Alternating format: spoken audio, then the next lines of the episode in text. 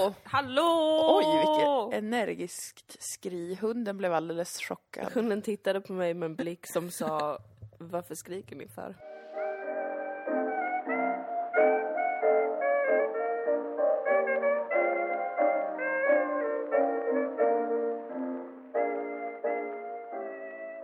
Välkomna till Dilan och Moa.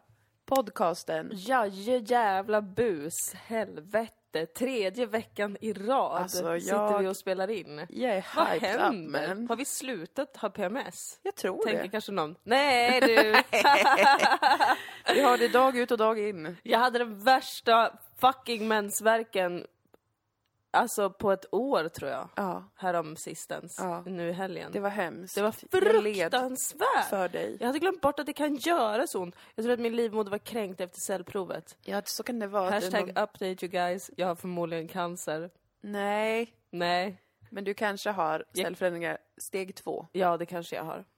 av fem eller vad det är. Mm. Och då Fyra. kommer jag få gå och bränna bort skiten direkt. Ja, då kommer jag och Maria följa med som dina Ja. bodyguards. Ni måste faktiskt göra det tror jag. Ja, men alltså... Jag kommer inte klara av något sånt själv. Jag kommer bli lokalbedövad. Alltså, men vet du vad jag tänkte på? Nej. Jag tänkte att det här är bra. För att jag började tänka på min mamma. Hon har haft cancer och sådär. I, I tarmen och sen så fick hon sådana dottertumörer i lungan. Och då tänkte jag, för jag låg och tänkte, fy fan vad obehagligt om de ska bedöva mitt underliv.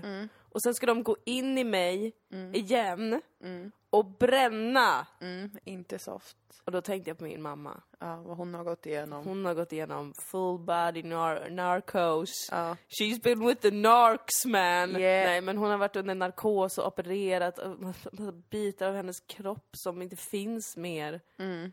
Och då tänkte jag att det är bra att ifall eh, jag har steg två. Nej men alltså om jag, om jag har det. Din copingmekanism är verkligen så jävla jag fick en sugig. ökad, en ökad förståelse för min mor och allt hon har Ja. varit med om. Och hur för, sj- sinnessjukt det måste vara att bli opererad. Det är nog... Jag ser det ljusa i det här. Du måste inte det vännen. Nej. Du måste inte se det positiva med att eventuellt ha cellförändringar. Nej. Steg två. Det som däremot kommer hända är att som sagt, vi, jag och Maria kommer finnas vid din sida. Vi kommer följa med, vi kommer vara klädda i mörka kavajer, kostymer, små s- mörka solglasögon. vi kommer gå vid varsin sida av dig, lite, lite bakom och ha Ja. en hörsnäcka var. Ja. Och så kommer vi kommunicera med walkie-talkies. Ja. Vi kommer stå utanför och vakta när vi inte får vara med inne i rummet. För Just det tror jag inte vi får faktiskt. Va? Sluta, det måste ni visst få. Men nej, nu kommer jag gå i Malmö. Om jag får operera mig, då kommer det vara i Malmö. Då kommer Ja. det vara såna, då kommer, då, det kommer inte vara lika härligt som ute i Svedala. För att visst, Jo, alltså Svedala är tror- långt bort, men det är mer liksom... eh, det, du vet, ett litet samhälle. Vi tar hand om varandra. Och i Malmö kommer det vara så, ja! Ja, du har kompisar. Vad kul för dig! De kommer så spärra av akuten Ja. för de kommer tro att det är en sån gängvåldshärva. Nu ska ni gruppvåldta oss trodde ni. Nej du! Nej du! Inte du apajävel! Jag ringer polisen! Så kommer det så vara i Malmö. Och sen kommer de spränga sig själva ändå för att de har undercover ISIS. Nej men så kommer det in, så, nu vill jag dementera den här bilden av Malmö för Crime city you guys! Crime city! Det finns jättemycket kompetent vårdpersonal. Vi känner ju till och med vårdpersonal i Malmö som är jättebra. Vi känner två sjuksköterskor åtminstone. och en en kirurg. Så att vi har allting. Vi har ju allt under kontroll. Alltså det här är ganska fett ändå för att jag menar en tanke jag har haft i livet är att man ska samla på sig Alltså de viktigaste yrkesgrupperna. Som vänner Ja. och bekanta. Det är smart. Det är väldigt smart. Men det där kommer, förhoppningsvis så är det inte så att cellförändringarna är steg nummer två. Men om Nej. det är det så kör vi, det finns inget att göra än att gå dit. Och kanske, nej nu börjar jag tänka för fritt. Jag tänker bara hur man ska döva ångesten men ibland så ska ju bara vara där, det är bara livet. Diklofenak. Ja, annars- alltså smärtstillande självklart. Alltså jag har aldrig förstått det här med som de pratar om på TV Nej. med ungdomar, att de missbrukar smärtstillande och sånt där. Men så tog ju jag smärtstillande innan jag skulle på det här cellprovet. Jag brukar göra det, man kan ta en liten Ipren eller något sånt där. Då tog jag en diklofenak av dig. Lite starkare migrän eh, och övrig smärta. Och det var så konstigt Moa. För att jag tog det. Och sen satt jag på bussen på väg ut till Svedala och så kände jag, alltså, jag var totalt ångestbefriad. Mm. Alltså på ett sätt som jag nog inte har varit på, alltså på många år har jag inte känt ett sånt lugn. Nej. En helt vanlig dag. Särskilt när jag sitter på en Du kanske buss. ska ta antidepressiva till nu när du ger den här bilden av ditt mående. Jag vet, jag, jag, jag funderar på det också. Jag tycker att jag, jag, tycker jag är för, glad i allmänhet. Ja, så känner jag också gällande det. Det, känns onödigt. Jag kan leva med den ångest jag vi har. kan bara börja missbruka smärtstillande båda två Men kanske. alltså det var helt otroligt. Jag var till och med tvungen att smsa dig för att Ja. det var bara så konstigt att liksom, jag, jag känner ingen ångest just nu. Jag känner mig totalt lugn, jag känner mig tillfreds, jag känner som att nu ska jag ut och göra det här. Annars behöver det inte ens vara liksom ett cellprov jag ska ut till för att jag ändå ska känna att, men tänk om allt dör. Eller liksom, det Ja. vet jag ju att allt kommer göra. Ja, men jag förstår Men vad du menar. För, du förstår vad jag menar? Ja. En tunn hinna av ångest. Av liten, liten stress konstant över eh, vad som händer och varför och, Mm. Ja. och alla risker ehm, som finns. Och, och jag visst, jag visst, och hela tiden var beredd på att dö. ja. Ett viktigt tema. Jag tror att det har lite med ålder att göra också. Ja. Att vi fortfarande är, nu börjar vi bli lite, pyttelite gamla, men Ja. vi har ju varit ganska unga hittills. Så Ja. då har man mer sån, man kan inte riktigt eh, sålla bland vad man uppfattar som risker ju. Man har inget direkt konsekvenstänk heller. Nej. Det är saker som utvecklas också med åldern. Så att jag tror att det, förutom att ta smärtstillande så kan man förlita sig lite på att man blir lite lugnare med åren ändå för att man... Nej men jag kommer inte ta smärtstillande. Alltså det var inte, här var inte någonting där jag vill uppmuntra till smärtstillande. Eh, Jag tycker det är i rimlig mängd, absolut. Alltså, jag tar alltid eh, Ipren till exempel när jag är bakfull. Ja. För då brukar jag vakna tidigt och så har jag, alltså om jag har druckit ganska mycket så där så att man ändå är lite tokig i skallen. Ja. Alltså att man är superfestlig, full. Ja. Inte bara så här, jag har druckit tre glas. Fuck off. Utan när man har varit uppe och supit, så att säga. Festat. Tusen öl. Till efter klockan Och tolv. en sambuca. Exakt. Man får feeling att dra en sambuca. Ja. De typerna av kvällar. Eh, har jag inte så ofta längre. Nej. Men när det händer, då brukar jag vakna väldigt tidigt dagen efter med en huggande känsla i hela, hela torson i bröstet. Som att Ja. någon knivar ihjäl mig inifrån. Ja. Och ett uppdämt skrik och bara vad har hänt och varför har det hänt? Fastän jag haft världens trevligaste kväll. Då har jag tricket dricka en halv liter vatten, ta en Ipren, borsta tänderna igen, Ja. somna om. ja. Sen vaknar jag och så är det som att det är en ny dag. Men du är ju bättre på att, att, eh, att ta hand om dig på ett sätt. Jag tror att, jag tror att, att eh, om, om jag får prata jättekonstigt om oss två. Du får, du får prata jättekonstigt, det är Alltså- våran podd. God damn it. Jag tror att dina besvär kan vara svårare från start. Men jag tror att eftersom att jag inte sköter om mina besvär och låter dem frodas så blir de till slut lika starka. Ja. Förstår du vad jag Möjligt. menar? Att vi, vi är två personer som kan möta sig hur, hur fruktansvärt dåligt man kan må. Ja, Men av lite olika skäl. mm. absolut. För du är otroligt bra på att ta hand om dig.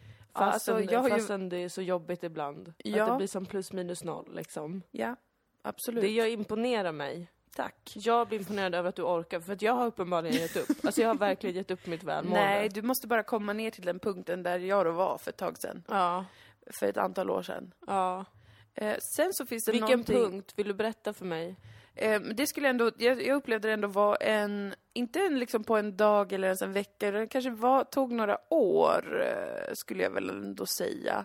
Att från, för att jag, jag gick ju all in för mina sådana beteenden. Ja. Alltså jag tänkte så här, då är det så här, då är det här som är sant. Ja. Att jag har ångest över allting, eh, jag är en sån människa, Ja. då ska jag stå ut med det här. Sen blev det, det jobbigare och jobbigare och till slut så vill man ju som inte göra saker och bara, "Åh", eh, det går i perioder sådär Ja. cykler. Utan att bli för dark, för det var ändå inte, alltså, men jag upplevde ändå efter ett tag så här, finns det något jag kan göra så vill jag göra det.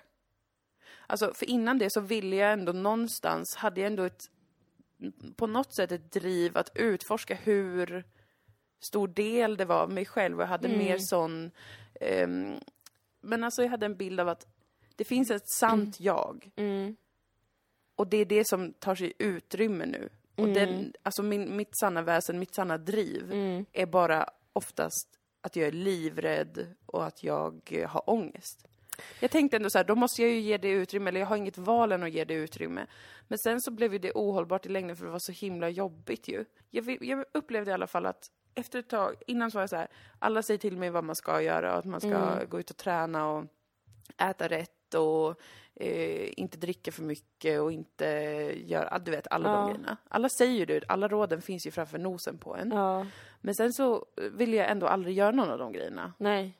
Och eh, det vet jag inte riktigt varför jag inte ville, men sen så började det ändå ändras efter en viss tidsperiod med att leva ut en så konstant ångest. Då var det ändå som att jag bara, antingen blir jag ju inlagd varje gång jag har ångest Ja. eh, och låter någon annan ta hand om mig. Ja. Eller så börjar jag testa vad det är jag kan göra. Och då funkade ju flera av dem, alltså inte jättebra, det är fortfarande verkligen inte ett flawless system. Man ser fortfarande under ytan vissa månader helt. Ja. Men typ,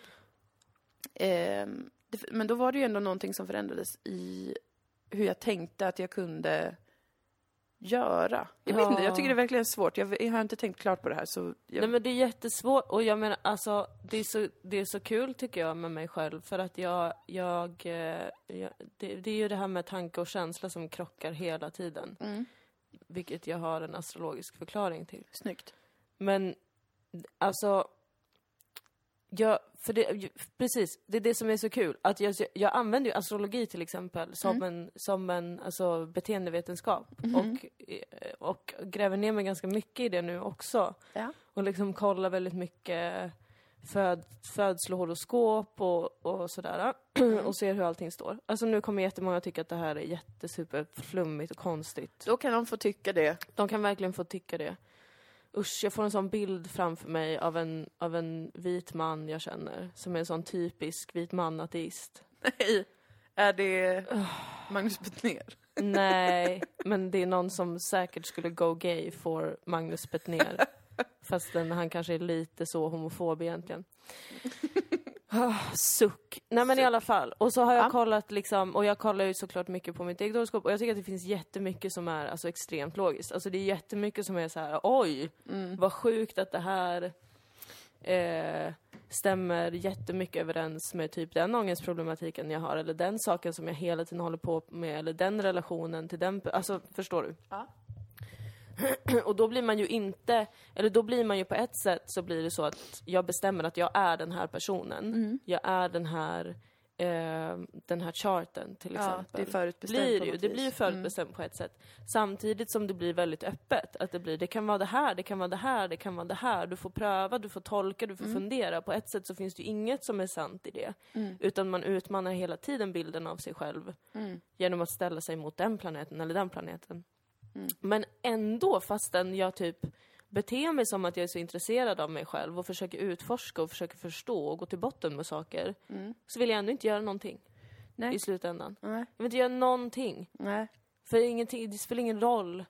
Nej, du har, du har ju en, en, eh, en stark försvarsmekanism där någonstans. Men när ska det, stopp. sluta? Jag är trött på att sitta i den här podden också. Och typ varje kvartal bara. när ska det ta slut Moa? När De här ska den- försvarsmekanismerna. Ja. När ska det upphöra? Men alltså jag undrar också det. Men det är de svåraste grejerna man har. det Måste jag ta de... tag i det själv? Kan det inte skänkas mig från ovan? Jo, det tycker jag absolut att det borde, men jag kan inte garantera att det kommer göra det. Var är Gud när man behöver Gud? Nej, det här vore ty- typiskt Gud. Ja, typiskt Gud bara... Jag bara- har lagt en liten överraskning till dig. Du är så himla spärr. otålig. Alltså jag dör.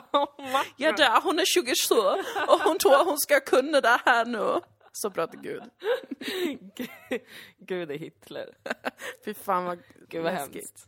Mm, Det var så. Förlåt, det kändes... det kändes som Nu blev, blasfemi. nu blev vi Magnus Betnérs favoritpodd. Ja, verkligen. Verkligen. Jag vill aldrig vara Konstiga det. påhopp på Magnus Betnér från mitt Ve- håll. Jättekonstigt Vars- även från mig att jag var fientligt inställd här nu. Det är konstigt för jag vet Det inte så var- mycket om honom egentligen. Nej, inte jag heller egentligen. Alltså, det- det känns bara, kändes bara rätt. var alltså, han med på det här beskriva Stockholm live? Ja, ja, jag tyckte han var jättecool när jag var typ 16 och Ja. sånt där. Eh, men sen har jag egentligen ingen åsikt och är väldigt ointresserad av honom. Alltså förlåt, det var ännu mer kränkande. Men jag ville bara, det, det kändes lite Jag hoppas att han mår bra. Ja, alltså och jag hoppas att han tar hand gå i om frid sig. och det. Gå i frid. Ja, Alltså levande. ja. Ja, nej jag vet inte. Ursäkta en liten... Ja, men du vet, jag tycker alltid det är kul att, att prata om det psyk, psyket. Alltså det är så spännande och tokigt i skallen och bollen. Ja, men det... Mm.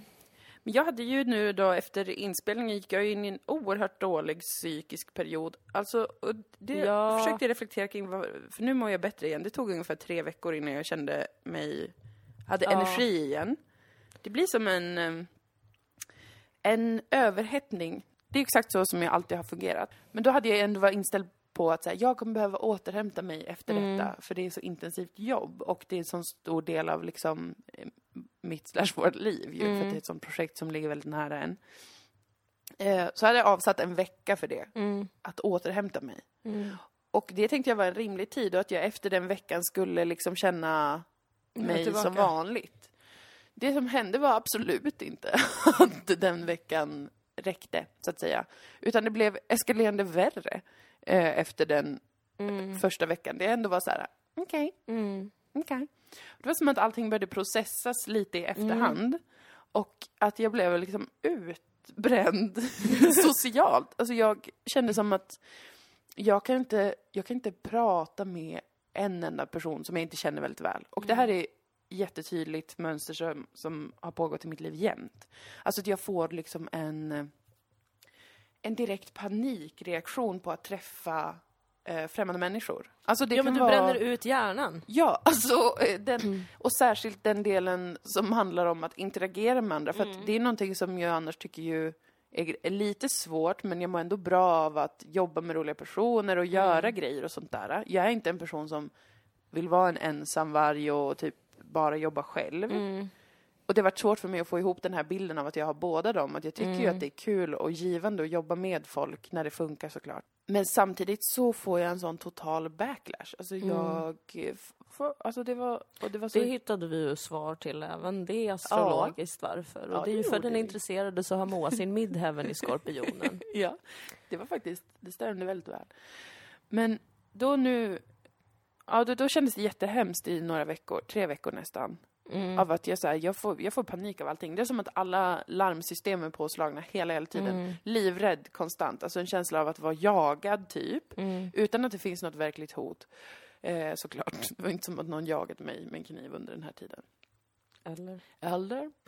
Jag kanske kände av en närvaro. Ja, ja precis. Och så sen så eh, efter den, och då behövde jag ju som jättemycket hjälp liksom av eh, nära och kära av er. Jag trodde att du hatade mig. Ja, det, det, Men det jag vill blir- säga en sak till dig och jag smög in det här i en annan podd Mm, där vi blev intervjuade. mm, Det känns konstigt att bara smyga in det. Men för att jag trodde ju efter detta, mm. var kanske två veckor efter inspelningen, två, Ja. tre veckor efter inspelningen. Så var jag så, nej, nu får du säga till mig om det är slut, typ. Alltså, freakade ut på dig. Ja. Ehm, och, eh, och så pratade vi Mm. om hur du mår. För att jag visste ju medvetet vad det handlade om. Mm. Men min känsla var... Och, och, det, och, då, och då blev det som ett samtal där det är så här, åh Moa, det, det handlar om dig. Du mår jättedåligt efter det här och jag måste anpassa mig efter dig. Men så var det ju inte. Nej. Jag vill vara jättetydlig med att det där också handlade om mig. För att jag gick runt efter den inspelningen, min reaktion var ju, alltså som jag också tror jag nämnde i förra veckan, eller förrförra, att nu har alla de här människorna gjort slut med mig. ja, du var rädd för det. Alltså jag var så jävla Ja. dumpad. ja. Jag tror att det också bidrog jättemycket till att jag var helt övertygad om att ah, men nu kommer också Moa lämna mig. Hon kommer försvinna nu. Och jag gick runt och bara, någon jagar mig med kniv, jag måste gömma mig. Var ska jag gömma mig?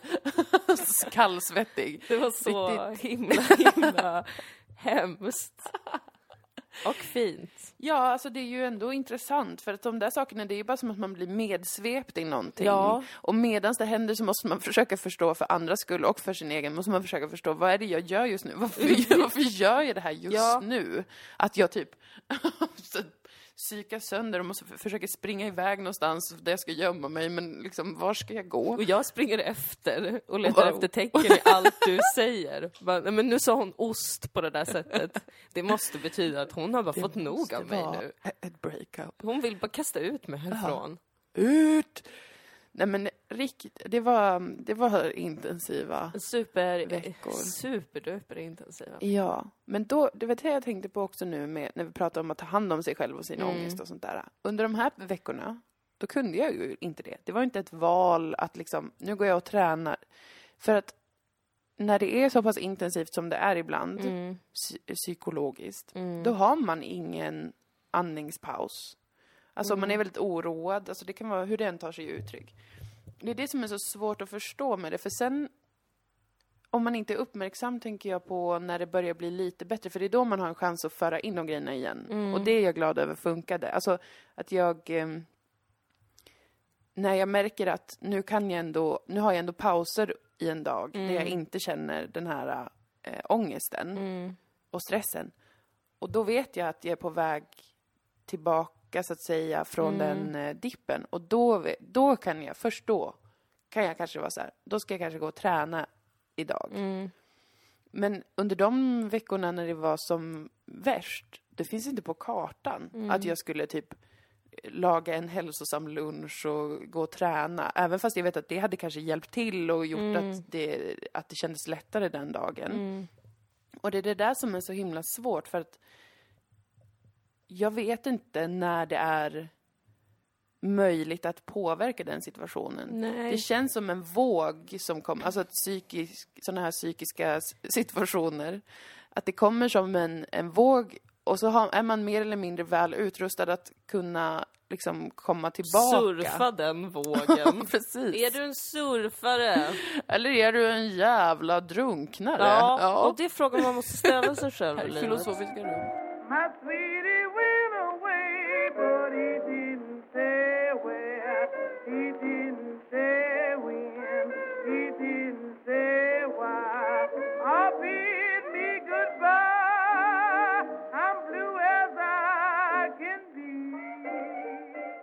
Jag har en sak som jag vill ta upp. Ja, bring it. Men snälla Hunden hund. tugg- tuggar nu på ett ben, men det får vi stå ut med tror Gå jag. någon annanstans och gör det. But she wants to hang out bro. Bli fan tokig på dig. Ehm, nej, jag, jag ehm, gjorde en sak som var att jag sökte på mitt namn på Det Twitter. har hänt oss alla. Det har hänt oss alla.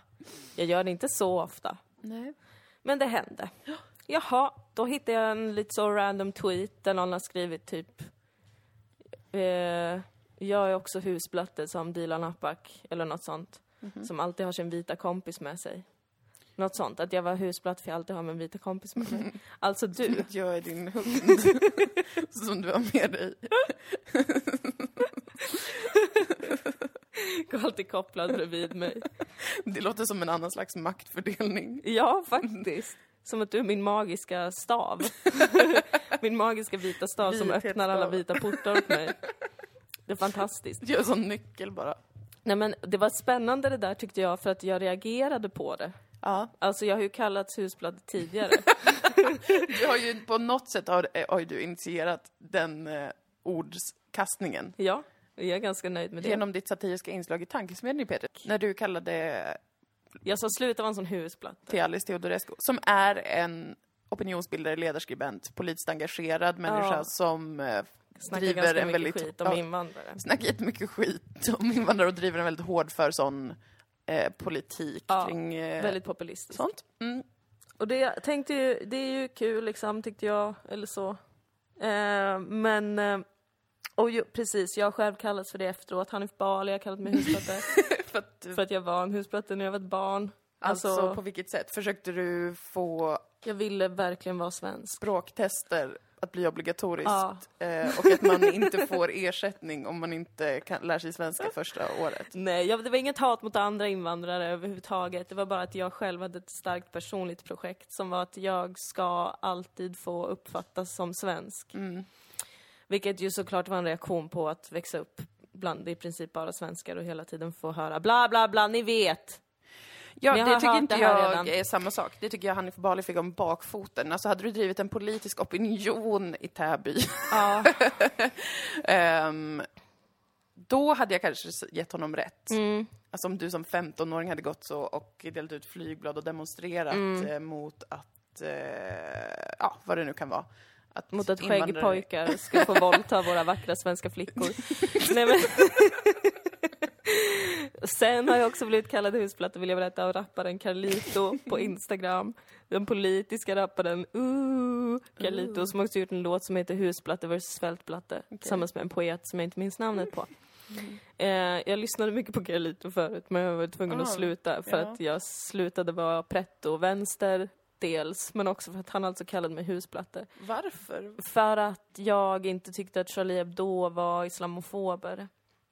Satirtidningen i Frankrike, eh, som varav ett antal blev ihjälskjutna av IS-kriget. Ja, nej men det är klart att de kan vara osmakliga ibland. Men Ja. här sitter en tjej som älskar religionskritik Ja. och föraktar dagens vänsterrörelse Ja. för sin brist på religionskritik och sin oförmåga att inte hata människor men samtidigt vara kritiska mot religioner som de utövar. Fuck you, vänstern! ja. Men Och Carlito. Ja, och Carlito. Alltså sluta så pretto. Sluta så fruktansvärt pretto i din politiska övertygelse. Ja. Och nu har det alltså hänt igen på Twitter. Ja, men den här gången blev jag berörd. Ja. Alltså att jag, att, jag kände, att jag kände att det blev så nej men det här kändes inte bra. Var det för att du och hela ditt yrke och din yrkesutövning och all talang du har och all komisk genialitet i dig förminskades till att du släpar runt på en vit kvinna? Det kanske var det som gjorde ont. Vad fint sammanfattat. Det kanske faktiskt var det. För att jag menar, men, men jag, tr- jag, tror, jag tror att det är dels det, Mm. faktiskt. Att, att förringas så. Mm. Ehm, till att kanske då vara någon som är lite dum och som får allt via dig. Och det också tror jag berör mig för att det är en rädsla som sitter hos mig just för att jag är ett invandrarbarn. Ehm, så finns ju den, den lilla rädslan finns där hela tiden. Att typ, kommer, kommer jag och Moa tolkas olika? Ja, det, det gör vi. Eller det kommer vi. Och det, och det upplever jag också när vi är i, om vi har en publik som är väldigt, väldigt vit till exempel, Ja. så tycker jag mig märka det ganska tydligt. Att man får ett annat mottagande.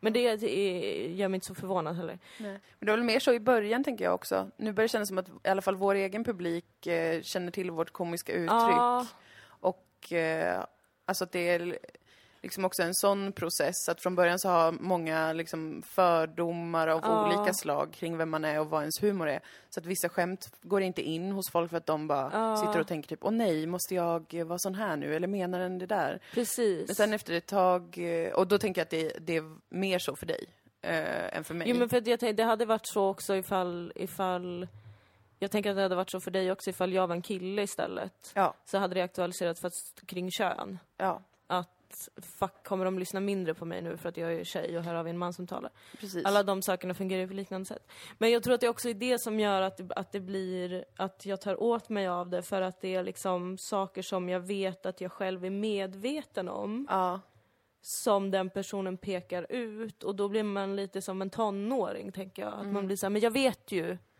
jag vet ju det. Jag vet ju att vi ser olika ut och jag vet att det påverkar oss olika. Men det är ju inte därför vi har valt varandra. Jag tror att jag har många vita vänner idag för att jag har vuxit upp i ett vitt samhälle. Jag har vuxit upp i vita rum, jag har fostrats i dem. Jag tänker inte blunda för att det påverkar en människa och vilket Nej, ju- umgänge man har till exempel. det är klart att ens liksom socioekonomiska status i samhället när man växer upp är en jättestor del av Ja. hur man bildar sina nätverk. Alltså det kan ju inte vara en överraskning för någon. Det är inte en överraskning för mig i alla fall. Nej. Men det är ju inte därför, vi har ju inte valt varandra. Jag har ju inte valt dig för att jag har gått runt på en aktiv tanke om att här har vi en vit magisk stav som kommer öppna Det låter som en äcklig dildo. alla, det låter jätteäckligt. Här har vi en vit magisk sköld Ja. som kommer krossa alla barriärer hos mig. Nej. Nej. Vi, vi har Jag ju, hoppas att du förstår att det inte är så jag tänker. ehm, nej, jag har om tänkt dig. att du utnyttjar mig. Men det är liksom men- när blir man... Det är det här som är kul med det här, att det här har också ställt begreppet husplatta på sin spets. För det är som att jag inser att mitt favoritord har inte en, en klar definition. Nej. Nej. För att menar den personen att husplatta bara är när man inte är så blattig? För det är det ju inte. Nej, det är väl... ehm, nu skulle vi återigen haft en språkvetare här som Ja. kunde reda i, i språket vad, det, vad orden kommer ifrån Tack härifrån. förresten alla språkvetare och språkintresserade och Ja. lingvister och etymologer som har hört av sig Ja. angående lodisar. ja. Att det var inte farligt, man kan använda ordet lod. Det betydde även galen. Ja, galen. På ett språk som jag nu tyvärr inte kommer ihåg vilket språk det var. Också någon som rör sig väldigt långsamt. Ja. Succé. Succé. Men ja, husplatte. Dagens ord. Men för mig, ska jag säga vad det är för mig? Ja. Husplatte, som den trogna poddlyssnaren vet, behöver inte handla om etnicitet eller ras. Nej. kan vara bredare än så. Jag har även kallat Caitlyn Jenner för husplatte. Det minns jag starkt. Jag blev väldigt rädd då för att det var så mycket samtidigt där. Jag visste inte vad jag skulle ta mig till i den situationen. Nej men för mig är det ett begrepp som illustrerar någon som är, ti- kanske tillhör någonting med eller mot sin vilja. Framförallt kanske mot sin vilja och gör allt för att skala bort det från sig själv och bekräfta normen istället. Och underhålla normen och bete sig som att den tillhör normen. Och gynnar normen samtidigt som man missgynnar det som inte är normen, alltså det som man kopplar till sig själv då. Det som man själv vill bort ifrån. Just det. Att det blir något fult och smutsigt och något man får missgynna. Ja. Och på så vis så underminerar man kanske då eh, folk som hade behövt att inte missgynnas Ja. mer. Om man är osolidarisk och allt det där. Det finns Vilket ju ett sånt- egentligen är ett självskadebeteende. Ja men precis, det är ju egentligen en självdestruktiv narcissism i så fall Ja. som man stör sig på. Ja, Om det är det. ja. För rent politiskt så måste det ju innebära någon som gör den grejen fast alltså, försöker genomdriva en politik då som är Ja, repressiv eller liksom fascistoid. ja, men där man bara stannar upp och blir lite så, men förstår du inte att du snackar skit om dig själv nu? Mm. Ja. Ja men det var det, hur du tolkar det. Ja, men det är tråkigt också att behöva definiera det så hårt, för då kan man ju inte riktigt skämta om det. Du ville ju, alltså jag ville verkligen understryka att du ville ju skämta med det ordet. Ja, Sen så var det massa folk som och började skämta hålla för på... att, men det är därför folk är så jävla blinda också. Eller det är så intressant hur, hur lite folk, alltså dels att folk är så ovana vid det ordet. Jag var inte alls ovan vid det ordet. Jag hade hört och skämtat om det mycket innan. Men Mm. det blir också att man blir så blind inför avsändaren på något vis. Eller så här, jag kan ju också kalla någon för husplatte för att jag kan också skämta om mig själv som husplatte. Mm. Att jag har haft husplattiga tendenser, LOL, när jag var ett barn. Du skapar ett helt nytt språk kring det ordet. Ja. ja. Men förstår du lite vad jag menar? Att, det, att det, där, det där har mycket fler lager för mig och många fler nyanser. Som det inte har för andra kanske då. Mm. Och det får man väl bara acceptera. Men ja, mm, jag vet inte. Jag blev starkt berörd av det här på Twitter i varje fall. Ja men det där är ju, det där är inte på samma sätt men det har hänt liknande för mig på just Twitter. Som jag har pågått om tidigare. Att jag har tagit illa vid mig vid random, alltså ofta vänsterkillar som har skrivit, tycker jag, förminskande om någonting jag har sagt. Ja. Och det är alltså personer som inte följer mig, som inte har skrivit till mig, som har hört mig prata i någon podd eller i tankesmedel eller, eller vad det nu kan vara. Det här har inte hänt många gånger, det har hänt kanske tre, fyra gånger under sex år. alltså att jag har gjort detta, sökt på mitt namn och upptäckt det här på, eller sökt på någon podd jag varit med i för att snoka. Och liksom blivit chockerad av att det ändå har bränts till och att jag bara, vad fan bryr jag mig om den här random eh, suttarkillen? Nytt ord. Suttarkillen. Jag tänkte att man är så infantil. Det här har du sagt förut någon gång. Mm. Jag tänker bara på knark när du säger sutt. Ja. Jag ska reflektera över om det är ett Ja, bra ord. Jag är inte ja. säker. Det, det, det kanske inte är bra. Men Lingvisterna får höra Ja, av de får sig. höra av sig. Det kan vara något Mm. problem. Man vet aldrig med språk. Men, men i alla fall, så var det så här, men varför bryr jag mig om vad en random eh, person på Twitter skriver om mig? Vad en jävla lodis på Twitter tycker. Varför? Och, och man blir lite så kryllig i huvudet att eh, är det för att det är en sanning i? Är det det? Att, att jag egentligen håller med den? Ja, ja. Då blir man orolig. Bara, har jag, lever jag i förnek? Men, Jo men visst är det det, verkligen. Förlåt att jag avbryter. Mm. Men det är just det där att man läser det och så är man så, nej det här är jättekonstigt, men eller? Är Mm. det sant? Är det därför jag nu känner saker kring det här? Är jag, jag, jag går runt och är en liten husplatta. Jag borde leva, jag borde egentligen leva helt separatistiskt. Jag borde flytta ut i orten, bara hänga med andra kurder och bli kallad svenne varje dag. Absolut. Men jag skulle leva med det. Kanske det jag får göra. ja. Ehm, absolut. Det är en hemsk känsla. Ja, men jag tror... Jag vill aldrig flytta till orten. Det var ett fruktansvärt förslag. Tvinga mig inte. Jag blev stel av oro när du sa det. Jag bara, snälla gud, nej. Låt det inte hända. Lol. Jag vill inte tillbaka till mina rötter.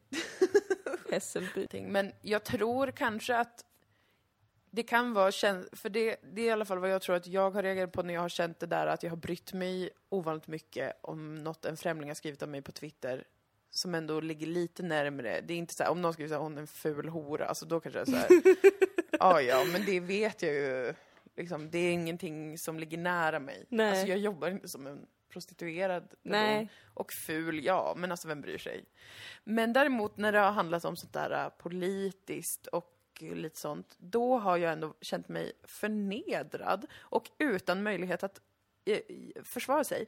Eh, ja, men då är det väl någonting som man är lite oroad över, eller något som man inte har rätt ut för sig själv. Ja. Och det är där jag också, förlåt att jag babblar så mycket idag, Nej. men det är där jag också tänker att kanske är det för att det är saker som inte kan gå att reda ut. Alltså, saker som handlar om identitet. Ja. Om man inte tror att det är saker man föds med som är essentiella, som skulle gälla i vilket samhälle, vilken tid som helst. Om man inte tror det så tror man ju, tänker jag, att allt som gör att man identifierar sig som någonting eller något annat är resultat av politik, av eh, historia som finns i ens eget land eller i var det, vars den är, samhället. Alltså då är ju identitet är ingenting som är fast. Inte heller liksom vad man står politiskt till exempel. Det förändras över tid. Det påverkas av flera olika saker. Det är grejer som hela tiden uppfinns. Men för det är det som jag tycker är så skönt med dig, min vita kompis. Ja. Som jag använder. Token white girl. Ja. du är min token white girl. Nej men det som är så skönt med oss tycker jag, jag är att vi kanske båda har haft eh, alltså svårigheter med just det, med sin identitet på olika sätt. Ehm, men att i det som vi gör så har jag alltid upplevt en känsla av att man tar sig förbi det. Att vi har båda massa saker som präglar vår identitet. Men att man tar sig ur det och betraktar det istället. Är Ja. medveten om att det finns där. Ja. Men det är inte utifrån det som man själv ska agera. Nej. Utan att man hela tiden försöker eh, på något vis hitta essensen i Mm. det. Och den mänskliga essensen i det som är gemensamt Mm. hela tiden. Rising above. Och det Ja. tycker jag är väldigt fint och härligt. Det är också det som jag tror att Kanye West håller på med nu. jag vet så lite om det där. Jag har bara hört det. Jag vet också Lite- ganska lite om det där, men jag såg filmklippet där han sa att slaveriet var ett val. Jaha, då, Ehm, okej. Som hade blivit väldigt omtalat. Mm. Och jag förstår ju att nu blir jag en husplatte. Enligt många. För att jag sympatiserar med honom. Som har blivit en onkel Tom då, motsvarande i USA. Men ehm, jag tror att det är precis det som han försöker göra också. Mm. Att skala bort alla lager av identitet. Inte egentligen på ett husplattigt sätt. utan på ett konstnärligt existentiellt vis. Mm. Men sen så vet inte han hur man ska kommunicera, tror jag. Nej, det är möjligt. Jag tror att han talar alldeles för provokativt. Mm. People are not ready for that type of conversation, Kanye. But you can always holler at me. Vi kan ha en sån Skype, eh, Skype-samtal. Ja. Kanye. Ja men han vill ju prata om förtryck på ett annat sätt tror jag också. Men att det bara, det, det når verkligen inte fram. Det, både för hur han kommunicerar men också vilken tid vi lever i, att det går inte. Det, det är för laddat. Men, eh, Men ja. intressant. Jag vet väldigt lite om Kanye Wests Ja, det gör jag eh, också. Alltså, han kan ha sagt ännu fler tokiga saker som jag inte känner till såklart. Mm. Men ändå. Men det var ett trevligt exempel tyckte jag Ja. på vad vi gör. det blir bara genies. fel. Ja, men det är ju, det är ju ett men jag blir sårad. Jag tror jag med identitet. Så det har ju varit det under en längre period nu, en jävla massa snack om det och hur det funkar och allt sånt där. Men det jag känner ganska mycket kring det är så här. Ja men det är väl något som uppfinns hela tiden, vad fan ska vi göra då? Eller vad vill alla? Alltså jag fattar inte vad alla vill. Alltså vill alla bara bestämma det? Alla vill vara att- konstanta. Ja, för så tycker jag det är en stor fara och därför varför jag hatar mäns mänskligheten så otroligt mycket. För att alla bara vill bestämma saker hela tiden Ja. och så ska det vara så. Och så tror de att det ska bli kul så. Men det är väl Alltså- det som är det mest paradoxala med den tiden som vi lever i nu Ja. också. Att det, som, det, man, det man skanderar är att alla ska kunna göra allt oavsett vem man är eller hur eller varför. Mm. Men det som folk gör i praktiken är att samla sig i mindre och mindre kluster Ja. av snävare och snävare identiteter eller tankar och åsikter för att det är bara där man får finnas då. ja. Vilket är jätteläskigt. Det är skit, alltså helt ärligt så är det skit. Alltså det, det är en återvändsgränd. Och hur kan man någonsin vara kapabel, tänker jag, till att bestämma sig för en identitet när man aldrig någonsin har blivit serverad en identitet? Alltså jag har ju konstant blivit serverad olika beskrivningar av vem jag är genom hela mitt liv. Vilket de flesta människor har, antar jag. Och med specifikt invandrarbarn så är det väl den här klassiska att i vissa sammanhang så är man en invandrare, i vissa sammanhang är man en blatte, i vissa sammanhang är man en svenne, en svensk, en kurd, en europé. Alltså, att man, när man, har, när man har blivit förklarad som så många olika saker, hur kan man hur kan man vara kapabel till att försöka hitta en sak då? Ja. Då tänker jag att man kommer vara förvirrad för alltid. ja, och besatt och fixerad vid det. ja För att det finns ju som alla vet så himla mycket i varje person. Och så mycket att utforska med den tiden som man lever just nu och mycket saker som man kan hålla på med och göra. Och att så mycket tid ska läggas på att man ska bestämma vem man är och man ska bestämma att man ska passa in i vissa sammanhang. Känns som ett onödigt jobb för vem, vem är det som mår bra av det? För att det tycker jag, upplever jag bara liksom verkar vara en fruktansvärd stress på folk. Varför också gör att folk blir, eh, samlar sig i mindre och mindre kluster, kluster. För att det inte ska finnas någon friktionsyta för man klarar inte av konflikter i de liksom, Nej. sammanhangen. Nej. För det, blir, det är för mycket som står på spel och folk är livrädda och det verkar vara fruktansvärt. Det ju. verkar faktiskt vara fruktansvärt. det verkar Ja. fruktansvärt att vara politiskt engagerad på något sätt idag. Det uppstår så otroligt Mm. strikta normer inom de små subgrupperna. Som handlar om att vi måste vara likadana här. Mm. Och om vi inte är det så är det en stor fara. Så vi måste jämt liksom utesluta och stänga ute. Eh, och det blir liksom snävare och snävare ramar. och det är så jävla vidrigt. Alltså helt ärligt. Ja. Så jävla sämst. Jag har nu sett exempel på flera sådana feministiska eh, liksom, grupper och liknande. Där det bara blir en sån totalitär galenskap Ja. efter en sekund. Ja. Och en sån utrensningsidé om att typ, vi måste rensa bort alla avvikande. Och då, då känns det bara så här, att hålla på med liksom frågor om identitet i, ett, i en sån miljö, vem fan ska, ska må bra av det eller få någonting ut av det? Ingen. Och Nej, jag tycker håller det- med dig. Det är faktiskt upprörande, jag Gumman. hade inte tänkt på det på länge. Nej, eller hur? Mm. För jag har känt mig så fri och lycklig liksom från allt sånt där. Ja. Facebookgrupper är verkligen... eh, Från satans jag hoppas att antropologer studerar Facebookgrupper Ja. och försöker ta fram någon form av, jag vet inte, intressant forskning kring människan och Ja. vår kultur på internet. Det lär ju gå att hitta alltså, mycket jävligt fascinerande om hur snabbt det går innan folk blir alltså, psykotiska kring renhetstänk. Alltså för det är också det som finns någonstans i allt sånt här, där, där det handlar om typ, varför är inte du mer så här? Du måste vara mer så här. Alltså en tanke om en utopi och en renhet som är väldigt fascistoid, som är väldigt obehaglig. Ja, Det är för läskigt. Ja, och att man bara får tänka i ett spår hela tiden. Alltså jag tänkte på det när jag sa, jag var inne på Facebook, och det här hände inte i en Facebookgrupp utan det var på en, en persons status. Eh, Och det är en person som är regissör, som håller på och jobbar eh, på något projekt. Och jag kände till att han jobbar med det här så jag, jag förstår ju ehm, att han gör lite research.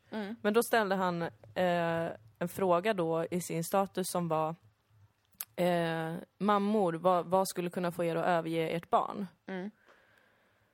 Och direkt är det någon som bara, den där frågan borde du ställa till män istället, för det är ju de som överger barn hela tiden, så att det kanske är rimligare Det är att inte rikta det han frågan gör film om! Man bara, va? Och jag tänker så här, även om du inte vet att det här handlar om kanske en specifik sak där han samlar in information och är intresserad av vad, vad mödrar tycker. Varför är det din första reaktion? alltså varför kan du inte ens stanna upp och tänka tanken, om du kanske är en mor, att typ, hmm, vad skulle, vad intressant. Skulle jag kunna överge mitt barn för något i världen? Ja. Bara, nej, nej, nej, nej, nej, nej, nej, det ska vi inte ens tänka på eller prata om, för du är en jävla sexist. Som inte först har skrivit typ en jättelång disclaimer om att du är medveten om att strukturellt ser det ut så att det är främst män som lämnar sina barn, men nu är du intresserad av vad som skulle kunna få en mor att lämna sitt barn. Vad är det för jävla inställning till sig Nej. själv? Ja, alltså herre min Jesus. Jag får ingen ordning på det. Jag får ingen ordning på det. Alltså, som sagt så har jag känt att jag kunnat lämna liksom, internet mer och mer. Jag mår väldigt bra Ja. nu för jag blockerar folk, jag tar bort allt. Ehm, jag har mina egna grejer going på mina sociala medier, jag trivs. Känner ingen stress. Det har varit en lång strategi som jag pågått med i fem år kanske. Och liksom, jag vet ehm, vad jag ska och inte ska göra och sådär. För att slippa allt det, sånt här. Ja. Sen är jag påminns om liksom att folk fortfarande håller på och är alltså total, en diktator Mm. eh, i sina sociala medier.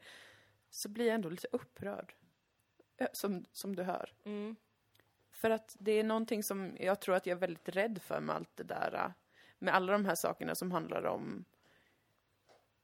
Ja, men... Det, Ja, för att vem det- blir man då om man inte har en bestämd uppfattning om sig själv? Mm. För att jag kan känna, jag, är- jag, jag, jag, kan, jag som sagt, jag är medveten om de strukturella saker som påverkar mig i min vardag. Ja, absolut. Jag är mitt kön, min hudfärg, Mm. min sociala status, min socioekonomiska status, ja. Men om man inte är helt bekväm med att låta alla de sakerna definiera en, utan man fortfarande går runt och är väldigt osäker på vem man är Mm. och vad man gör här, Mm. och är lite okej med det också.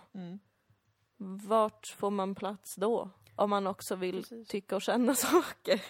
Ja. Det är väl det som blir lite jobbigt, att det blir som att man kanske längtar efter samhörighet på olika sätt, men den samhörigheten är så ofta så villkorad att Mm. man skyr den istället. Ja.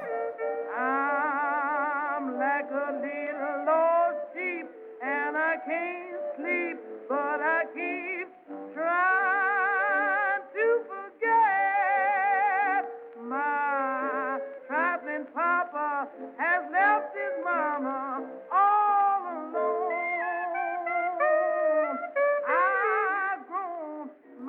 Kallis för första gången. Ja! Vi kan avsluta på en sån positiv. Ja! Vad vacker kvinnokroppen är. Den är kul tycker jag mer. Alltså jag tänkte verkligen på det när jag var där. Att, vad- jag tänkte nu kommer jag låta som en sexist. Ja. Tänkte jag för mig själv. Mm. Men oj vad vackra kvinnor det är. Det är inte konstigt att folk är så besatta av kvinnor. När vi är så himla vackra. Vi är jättetjusiga. Ja. Det Alltså no sant. homo, det var inte så sexuellt. No homophobe också. Ja. Det var inte en sexuell känsla jag hade, utan mer bara en sån... Wow! Kvinnokroppen. Ja. Den är ju... Men den kommer i alla olika former. ja. Men den är så underskön och Oj. behaglig. Så, du kände till och med så? Ja. För att det jag känner på Kallas är ofta att gud, alla är bara sälar. Ja. Ehm, alltså bara stycken av kött som ligger och dåsar sig i. ja. Inte vackert. Det är så vackra stycken av kött tycker jag. Jo, ja, men det kanske faktiskt är sant. Mer i alla fall än män. Ja men jag tänkte på det, Det då också. Skulle det vara lika vackert om man fick vara en fluga på väggen på killarnas sida? Nej, jag tror inte det. Jag har hört mycket obehagliga historier från killarnas avdelning. Jag har ju en bestämd, ett bestämt case kring de olika kropparna som är att manskroppar är vackrast i underkläder och Ah. kvinnokroppar är vackrast utan underkläder. Det är ett intressant case och jag är faktiskt beredd att hålla med, tror Mm. jag. Det är faktiskt sant. Alltså en kvinnokropp... Eh, alltså vilka är vi? Jag vet inte, jag har ingen aning om vilka... Skäller ut sociala medier. Sen Pratar om varför kvinn... ja! Sitter och, pratar om kvinn, den nakna kvinnokroppen. Vi är verkligen Blackman. Vi, alltså Danmark borde plocka upp våran podd nu och göra det till... Jag tror eh, danskarna skulle älska oss. Jag tror verkligen det. Alltså, jag tror att det här avsnittet och flera tidigare avsnitt Ja. hade de bara fy fan i helvete match, det är fucking great! Problemet är att de hade tröttnat på oss när de hade förstått att vi inte är rasister. Ja, och att vi liksom ändå Vi är bara är- som Kanye West. Ja, precis. De, de skulle bara, va? Vill ni inte gå med i den här kampanjen för Ja. att eh, avrätta flyktingar? Ja. Vi bara, nej, Nej, det var inte tanken. det var inte det. Vi var just artister. Yeah. Då hade de utvisat oss. Ja, det hade de. Men Det i alla fall. Absolut. Men Jag är beredd att hålla kvinnokroppen- med om din spaning. Jag tycker det var en härlig känsla av mig. Jag Ja. blev glad av det. Ja, men alltså man får en större förståelse för kroppen när man ser så många nakna människor i ett sånt sammanhang tycker jag. Ja. Det är lugnande Ja. tycker jag faktiskt med Kallis för att man är bara en kropp bland kroppar och de är någonting annat. Ja. De är inte det där man trodde en Nej. gång. Nej. Fast så Det är som inte människor längre. Nej men Nej. verkligen, det är som lyckliga vackra sälar. Ja, som bara gonar sig och Ja. ligger och solar Några och tanter som ligger och stickar och pratar om barnuppfostran Ja. och några andra som pratar om barnuppfostran. Mycket barnuppfostran. Ja, det är mycket det med kvinnor. Det är stereotypt men sant. Ja, Det är Mycket med barnen. tyvärr. och vattnet var alldeles för kallt. Slängde du i så att huvudet täcktes? Ja, Bra, jag är jättestolt över dig faktiskt. För att jag tycker att det är att balla ur, eller inte balla ur, fega ur, att inte ta på huvudet. ja. Nej men jag, hade, jag tänkte faktiskt på dig. Mm. Jag simmade där och hade panik för att det var så kallt. Ja. Så tänkte jag, du vet att du måste doppa huvudet. Moa säger alltid det, att det blir bättre om du doppar huvudet. Ja. Det blev ju inte bättre. Alltså det är ju iskallt. Ja. Jag skrek som en säl. Ja. Och några tanter stod där uppe och väntade på att jag skulle bli klar för jag var så nervös. Att de lät mig gå före så att jag skulle känna stress. Och bara göra det. Det var vackert. Det var en underbar upplevelse. ja. Jag kommer säkert åka dit igen. ja, jag vill verkligen åka dit många gång i vår. Eller vad är det för månad? Det är sommar nu sommar tror jag. börjar snart. Det är sommar nu och sen så kommer det bli vår igen hela juni tror jag.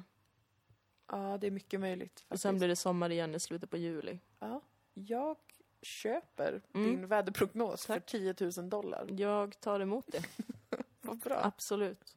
Och skickar en faktura. Ja, men jättekul. Men vilken positiv stämning det är nu. Jag tänker vi trillade inte ner i, Nej, i mänsklighetspanikens hål. det gjorde vi inte. Moget av oss att kunna prata om identitet, politik, Ja. kallis, kvinnokroppen, känslor i ett och samma avsnitt utan att någonsin bli totalt deprimerad. Det är ett rikt avsnitt det här. Ja, det är dens lustgård. Men vi Ja. har redan ett avsnitt som heter det så vi kan inte döpa det här till det. Eh, jag vet vad jag tycker att det här avsnittet ska heta. Token White Girl. Ja! Mm. Det är ett kul namn. Det är Det ett ska kul namn. heta. Roligt. Vi får, eh, om eh, Dilan och Moa får en säsong två så får vi göra ett avsnitt om identitet, eventuellt. Mycket roligt. Jag hoppas på en säsong två. Nu håller vi på att klippa säsong ett. att- Ja, vi håller på och klipper och klistrar och fixar och trixar. Men, Ja. eh, men det hänger ju mycket på er, hörni. Att vi får en säsong två sen. Precis, Vad för att måste vi SVT ha? vill inte förnya om det inte är tillräckligt med tittare ju. Är det 100 000 tittare? Något sånt tror jag. Ja. Så att ni kommer få samla styrkorna inför Ja. september eh, och eh, kolla alltså jättemånga gånger från olika Från olika. IP-adresser. Och där kan vi ju, för vi kan försöka ta fram ett system. Ja, ni får vara på Ehm, jour, alltså att vi ser till För det är ju att... också eh, så att ni får inte bara liksom starta avsnittet och sen stänga av efter Nej, fem minuter. nej, ni utan ni måste se måste ha, ha det igång. Va? Och ni kan ha så här olika datorer i ett enda hem Ja. där ni sätter på avsnittet samtidigt så får det stå och spela i alla rum om man Ja. bor flera stycken ihop till exempel och sånt. Eh, mycket sådana kampanjer. Gå på internetcafé kan man också göra Ja. och starta det på alla datorer på kaféet. Japp, Prata med kidsen på Game City. exakt. De kan säkert ha SVT Play i bakgrunden medan de spelar CS. Ja. Vi kommer få, precis, vi, förhopp, förhoppningen får man ju inte säga är att så många ska tycka att det är kul att de ändå tittar. Ja. Men det kan behövas lite hjälp, det finns kan man aldrig lita ute. på, vet du. Humor är så subjektivt. Ja, det är sant. Det är Alltså, sant. folk kanske tycker det här är skittråkigt, men Och vi vill ändå göra mer. vi så vill inte göra mer. så ni, ni måste göra så. Och eh, vi kommer ge fler instruktioner för hur ni kan sprida det. När det alltså kommer om ett antal månader, för att Ja. det är ju verkligen inte där än. Det är ju en bit kvar, ja. Och vi hänger inte live heller förrän i slutet av augusti när vi kommer vara med på Lund Comedy Festival. Mm. Och då kommer vi visa två eller ett avsnitt av serien, smygpremiär och Är det ett eller två avsnitt? Jag om hoppas att det är två. Ja, det hoppas jag med. Men då kommer vi ha visa, Mm. tjuvvisa premiären. Och sen kommer vi ha frågestund efter det, man kan få ställa frågor om man vill det. Mm. Och sedan på lördagen, för detta är på fredagen 31 augusti, Ja. den här frågestunden och visningen. Och sen på lördagen den 1 september, då kommer vi köra skuld! ja! Ja, då kommer Tora och Elvira och Thomas, Ja. hoppas jag och ber jag för, Ja. pianist. Jo, Eh, jag sa till honom Ja, bra. Och han sa jaha, frågat. händer det? jo, men eh, det kan väl göra. Underbart. Så då kommer vi köra skuld också på Lund humorfestival. Mm. Så det kan ni ju passa på. De biljetterna går ju fort ofta. Försä försäljningen går ofta snabbt. Tror jag. Jag har Ja. ett sånt minne av att jag inte har kommit in på föreställningar på Lund Comedy, men det kan variera såklart. Men så köp det eh, så fort det går. Det går nog inte än, men Det kan ju ha varit för att de också märkte att du bara var en token white girl Ja. som försökte bereda väg för herran. alltså en husplatte. ja, de bara, det finns tyvärr inga biljetter. Mm. Jag bara, va, men jag är ju vit. De bara, nej, men vi ser vem som står där borta. som har skickat hit dig. Vi ser ju vad ni håller på med. Eh, och det skulle vara jävligt Och det är i. Sverige idag. Jävligt hemskt.